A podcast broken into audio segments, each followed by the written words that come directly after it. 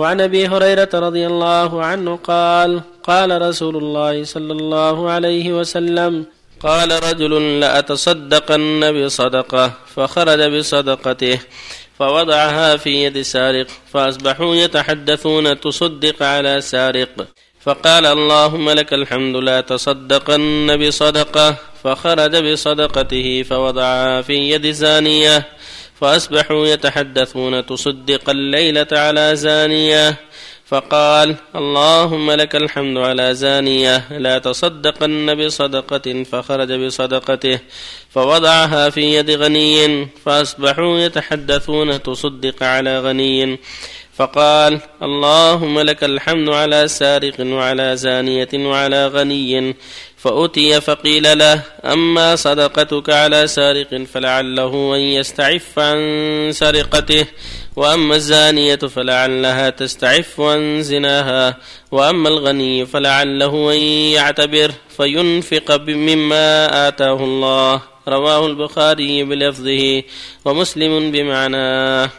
وعن أبي هريرة رضي الله عنه قال كنا مع رسول الله صلى الله عليه وسلم في دعوة فرفع إليه الذراع وكانت تعجبه فنهس منها نهسة وقال أنا سيد الناس يوم القيامة هل تدرون مما ذاك؟ يجمع الله الأولين والآخرين في صعيد واحد فيبصرهم الناظر ويسمعهم الداعي وتدنو منهم الشمس فيبلغ الناس من الغم والكرب ما لا يطيقون ولا يحتملون فيقول الناس ولا ترون إلى ما أنتم فيه إلى ما بلغكم ألا تنظرون من يشفع لكم إلى ربكم فيقول بعض الناس لبعض أبوكم آدم ويأتونه فيقولون يا آدم أنت أبو البشر خلقك الله بيده ونفخ فيك من روحه وأمر الملائكة فسجدوا لك وأسكنك الجنة. ألا تشفع لنا إلى ربك؟ ألا ترى ما نحن فيه وما بلغنا؟ فقال إن ربي غضب غضبا لم يغضب قبله مثله ولا يغضب بعده مثله وإنه نهاني عن الشجرة. فعصيت نفسي نفسي نفسي اذهبوا إلى غيري اذهبوا إلى نوح. فيأتون نوحا فيقولون يا نوح أنت أول الرسل إلى أهل الأرض وقد سماك الله عبدا شكورا. ألا ترى إلى ما نحن فيه؟ ألا ترى إلى ما بلغنا؟ ألا تشفع لنا إلى ربك؟ فيقول إن ربي غضب اليوم غضبا لم يغضب قبله مثله ولن يغضب بعده مثله وإنه قد كانت لي دعوة دعوت بها على قومي نفسي نفسي نفسي اذهبوا إلى غيري اذهبوا إلى إبراهيم فيأتون إبراهيم فيقولون يا إبراهيم أنت نبي الله وخليله من أهل الأرض اشفع لنا إلى ربك ألا ترى إلى ما نحن فيه فيقول لهم إن ربي قد غضب اليوم غضبا لم يغضب قبله مثله ولن يغضب بعده مثله وإني كنت كذبت ثلاث كذبات نفسي نفسي نفسي. اذهبوا إلى غيري. اذهبوا إلى موسى فيأتون موسى فيقولون يا موسى أنت رسول الله فضلك الله برسالاته وبكلامه على الناس. اشفع لنا إلى ربك. ألا ترى إلى ما نحن فيه؟ فيقول إن ربي قد غضب اليوم غضبا لم يغضب قبله مثله ولن يغضب بعده مثله وإني قد قتلت نفسا لم أومر بقتلها نفسي نفسي نفسي اذهبوا إلى غيري اذهبوا إلى عيسى فيأتون عيسى فيقولون يا عيسى أنت رسول الله وكلمته ألقاها إلى مريم وروح منه وكلمت الناس في المهد اشفع لنا إلى ربك ألا ترى إلى ما نحن فيه. فيقول عيسى إن ربي قد غضب اليوم غضبا لم يغضب قبله مثله ولن يغضب بعده مثله ولم يذكر ذنبا فنفسي نفسي نفسي اذهبوا إلى غيري اذهبوا إلى محمد صلى الله عليه وسلم. وفي رواية فيأتون فيقولون يا محمد أنت رسول الله وخاتم الأنبياء وقد غفر الله لك ما تقدم من ذنبك وما تأخر اشفع لنا إلى ربك ألا ترى إلى ما نحن فيه؟ فأنطلق فآتي تحت العرش فأقع ساجدا لربي. ثم يفتح الله علي من محامده وحسن الثناء عليه شيئا لم يفتحه على أحد قبلي. ثم يقال يا محمد ارفع رأسك سل تعطى واشفع تشفع فأرفع رأسي فأقول أمتي يا رب أمتي يا رب. فيقال يا محمد ادخل من أمتك من لا حساب عليهم من الباب الأيمن من أبواب الجنة. وهم شركاء الناس فيما سوى ذلك من الأبواب. ثم قال والذي نفسي بيده إنما بين المصراعين من مصاريع الجنة كما بين مكة وهجر أو كما بين مكة وبصرى. متفق عليه. وبالله التوفيق. بسم الله الرحمن الرحيم. الحمد لله وصلى الله وسلم على رسول الله وعلى آله وأصحابه ومن اهتدى بهداه. أما بعد فهذان الحديثان في الأول منهما عظة وذكرى. وحث على الصدقة وترغيب فيها وإن وقعت في غير أهلها. المؤمن يتحرى ويجتهد في إخراج الصدقة وهو مأجور حتى لو وقعت في يد غير أهلها. فهذا رجل في من كان قبلنا اجتهد وتصدق. فصادفت صدقته أنها وقعت في يد إنسان معروف بالسرقة يسرق. فتحدث الناس سرق تحدث اليوم على سارق. فقال له لما بلغه ذلك الحمد لله على سالم. ثم قال لأصدقن فخرج بصدقته ووقعت في يد زانية فتحدث الناس أنه صدق على زانية وبلغه ذلك فقال الحمد لله على ذلك. ثم صدق صدقة أخرى فوقعت في يد غني. صدق فتحدث الناس أنه صدق على غني. وبلغه ذلك فقال الحمد لله على سارق وعلى زانية وعلى غني. فجيء إليه كأنه جيء إليه في المنام رأى رؤيا صالحة في المنام فقيل له أما صدقة على السارق فلعله يتعظ ويدع السرقة ويستغني بما أعطيته. وأما الصدقة على الزاني فلعلها أن تستعف وتستغني بما أعطيتها عن الزنا. قد يكون حمله على السرقة الفقر وهي حملها على الزنا الحاجة فلعل الصدقة التي فعلتها تمنع السارق من العودة وتمنع الزاني من العودة. وأما الغني فلعله يعتبر يتصدق ويقتدي به وينتفع بماله. المقصود من هذا أن الرجل أو المرأة كل منهم يجتهد في الصدقة والإنفاق في وجوه الخير وإذا صادف أنها وقع صدقته في إنسان لا يستحق فهو مأجور ولعل الذي يعطي لعله ينتفع بها ويتعظ بها ويتذكر بها. والمؤمن يتحرى. مصدق في زكاته وفي صدقة التطوع يتحرى أهل الحاجة والضعف. فإذا صادف أنه أعطاها من ليس كذلك فهو على نيته وله أجر والحديث الثاني حديث الشفاعة وهو حديث عظيم حديث طويل صحيح من أصح الأحاديث. يبين الرسول صلى الله عليه وسلم أمر الشفاعة يوم القيامة. كان ذلك وهو جالس مع أصحابه على الطعام. فأخذ الذراع وكان يحب أن ينهش من الذراع فنهش منه شيء ثم قال أنا سيد الناس يوم القيامة؟ فلو قال أنا سيد ولد آدم يوم القيامة. ثم قال ألا تسألون؟ يعني لما قلت هذا الكلام؟ فقال إن الناس يوم القيامة يحشرون حواة عراة غلظا ويشتد بهم الكرب وتدنو الشمس ويلجمهم العرق فيشتد كربهم. فيفزعون إلى آدم وفي اللفظ الآخر أن هؤلاء هم المؤمنون يفزعون إلى آدم ويقول له يا آدم أنت أبو البشر خلقك الله بيده وأسجد لك ملائكته وعلمك أسماء كل شيء اشفع لنا إلى ربك. ألا ترى ما نحن فيه ألا ترى ما قد بلغنا؟ يعني من شدة الكرب والهم والغم بسبب الموقف العظيم. فيقول أنا نهيت عن الشجرة وأكلت منها ويكتب ذنبه ويقول اذهبوا إلى غيري. إن ربي قد غضب اليوم غضبا لم يغضب قبله مثله ولن يغضب بعده مثله ويعتذر.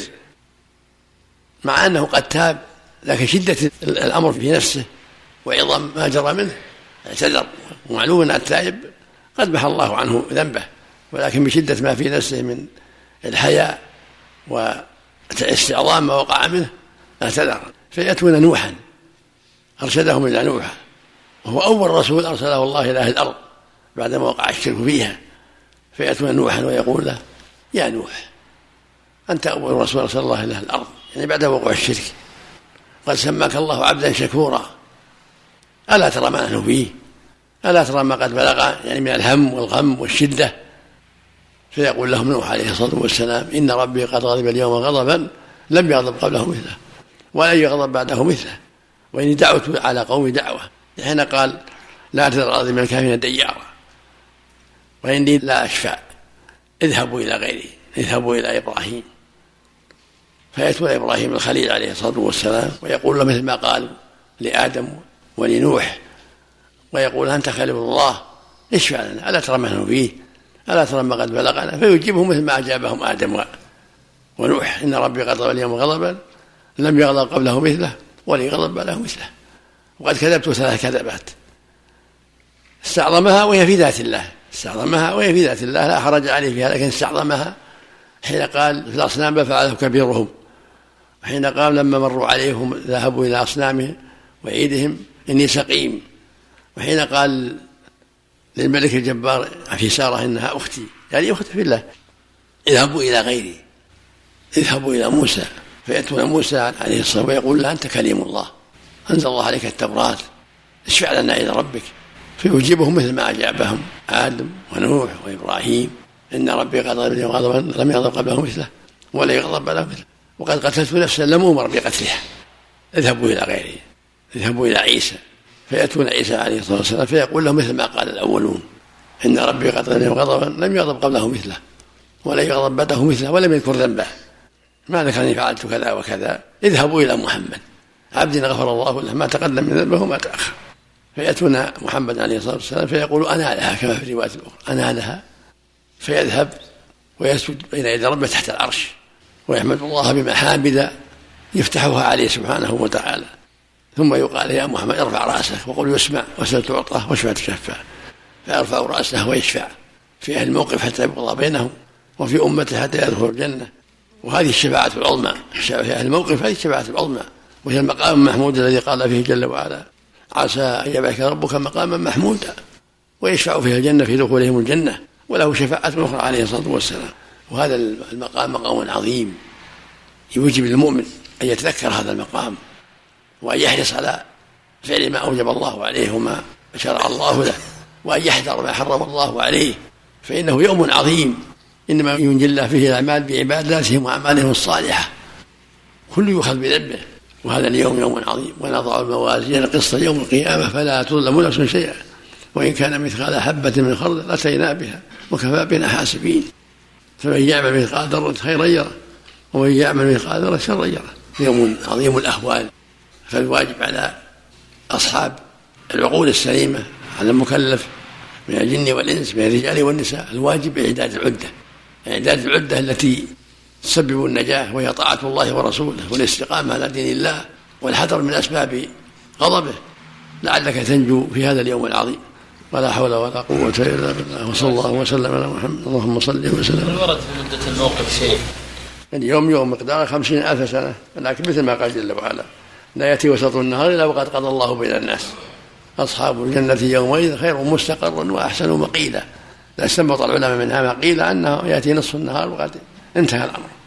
اللهم المستعان. الله بارك الله فيكم بالنسبة لأول حديث يجمع الله الأولين والآخرين. وفي نهاية الحديث أمتي أمتي. هذا ترك القصة المتعلق بالموقف. نعم. كما في الروايات الأخرى صريح أنه يشفع في أهل الموقف. ثم في امته كذبات إبراهيم عليه الصلاة والسلام ثلاث ولا في الأصنام بل فعل لما كسرها وسألهم فعل هذا قال كبيرهم. لعلهم يعتبرون لعلهم ينتبهون. كبيرهم جمال يمشي ما هو ما عنده خبر. ولهذا انتبهوا وأعدوا له النار فأنجاه الله من شرهم. والثاني قوله إني سقيم لما ذهبوا إلى أصنام تخلف إلى أصنامهم مروا عليه. ما حبس عن ما قال إنه سقيم. يوهم إنه, إنه مريض وهو ليس بمريض ولكنها أسقمه كفرهم وشرهم. والثالث أنه ذهب ومعه أخته وسار إلى مصر فذكرت للملك فجاء بها إليه وسأل إبراهيم عنها قال إنها أختي. ما قال إنها زوجتي خافا أن يغار ويأخذها. قال إنها أختي. فمد يده إليها فأصابه الله بشلل في يده لم يستطع أن يمد يده إليها. فقال ادعو الله لي ولا أضرك فدعت الله له. ثم مد يده فأخذ أيضا فدعت له وأطلق. ثم قال اذهبوا بها عني. فما أتيتموني بإنسانة وإنما أتيتوني بشيطانة. ورد الله كيده وسلمت من شره. سارة رضي الله عنها ورحمها. زوجة الخليل. نعم. هذه الثلاث ثم كذبات أليست من معارض الكلام؟ نعم. أقول أليست من معارض الكلام؟ من ورائه عليه الصلاة والسلام سماها كذبا وهو أراد بذلك التعريض. لكن سماها كذب بالنسبة إلى ما يظل الناس يعتبرونها كذب. وهو أراد بذلك أن يلفت أنظارهم إلى أن الأصنام ما عندها حل ولا عقل بل فعل كبيرهم ما, ما يفعل شيء. وفي السقيم يعذروه انه يعني مريض على ما يعرفون في عرفهم. وهم الردس انها سقيم من أعمالهم الخبيثة و... صلى الله عليك هل يستثنى من الناس الذي يبلغهم الهم الغم والكرب؟ الظاهر العموم الشيء الخفيف هذا يعم الجميع لكن الشدة على الكفار. فإذا نقر في الناقور فذلك يوم عسير على الكافر غير يسير. أما المؤمن ما أمره خفيف ما يصيبه من ذلك إلا الشيء اليسير. الحمد لله. من تصدق على شخص واكتشف أنه غني هل يسترد الصدقة؟ نعم. من تصدق على شخص واكتشف أنه غني هل يسترد الصدقة؟ إذا أصدق ظاهره الفقر ما, ما يضره حالة مستقيمة. إذا أصدق ظاهره الفقر وتشبه بالفقراء وظنه فقراء وأطلع تجزي عند العلماء تجزي عند العلماء والإثم على ذلك. شيخ الذي لا يتصدق هل يأثم؟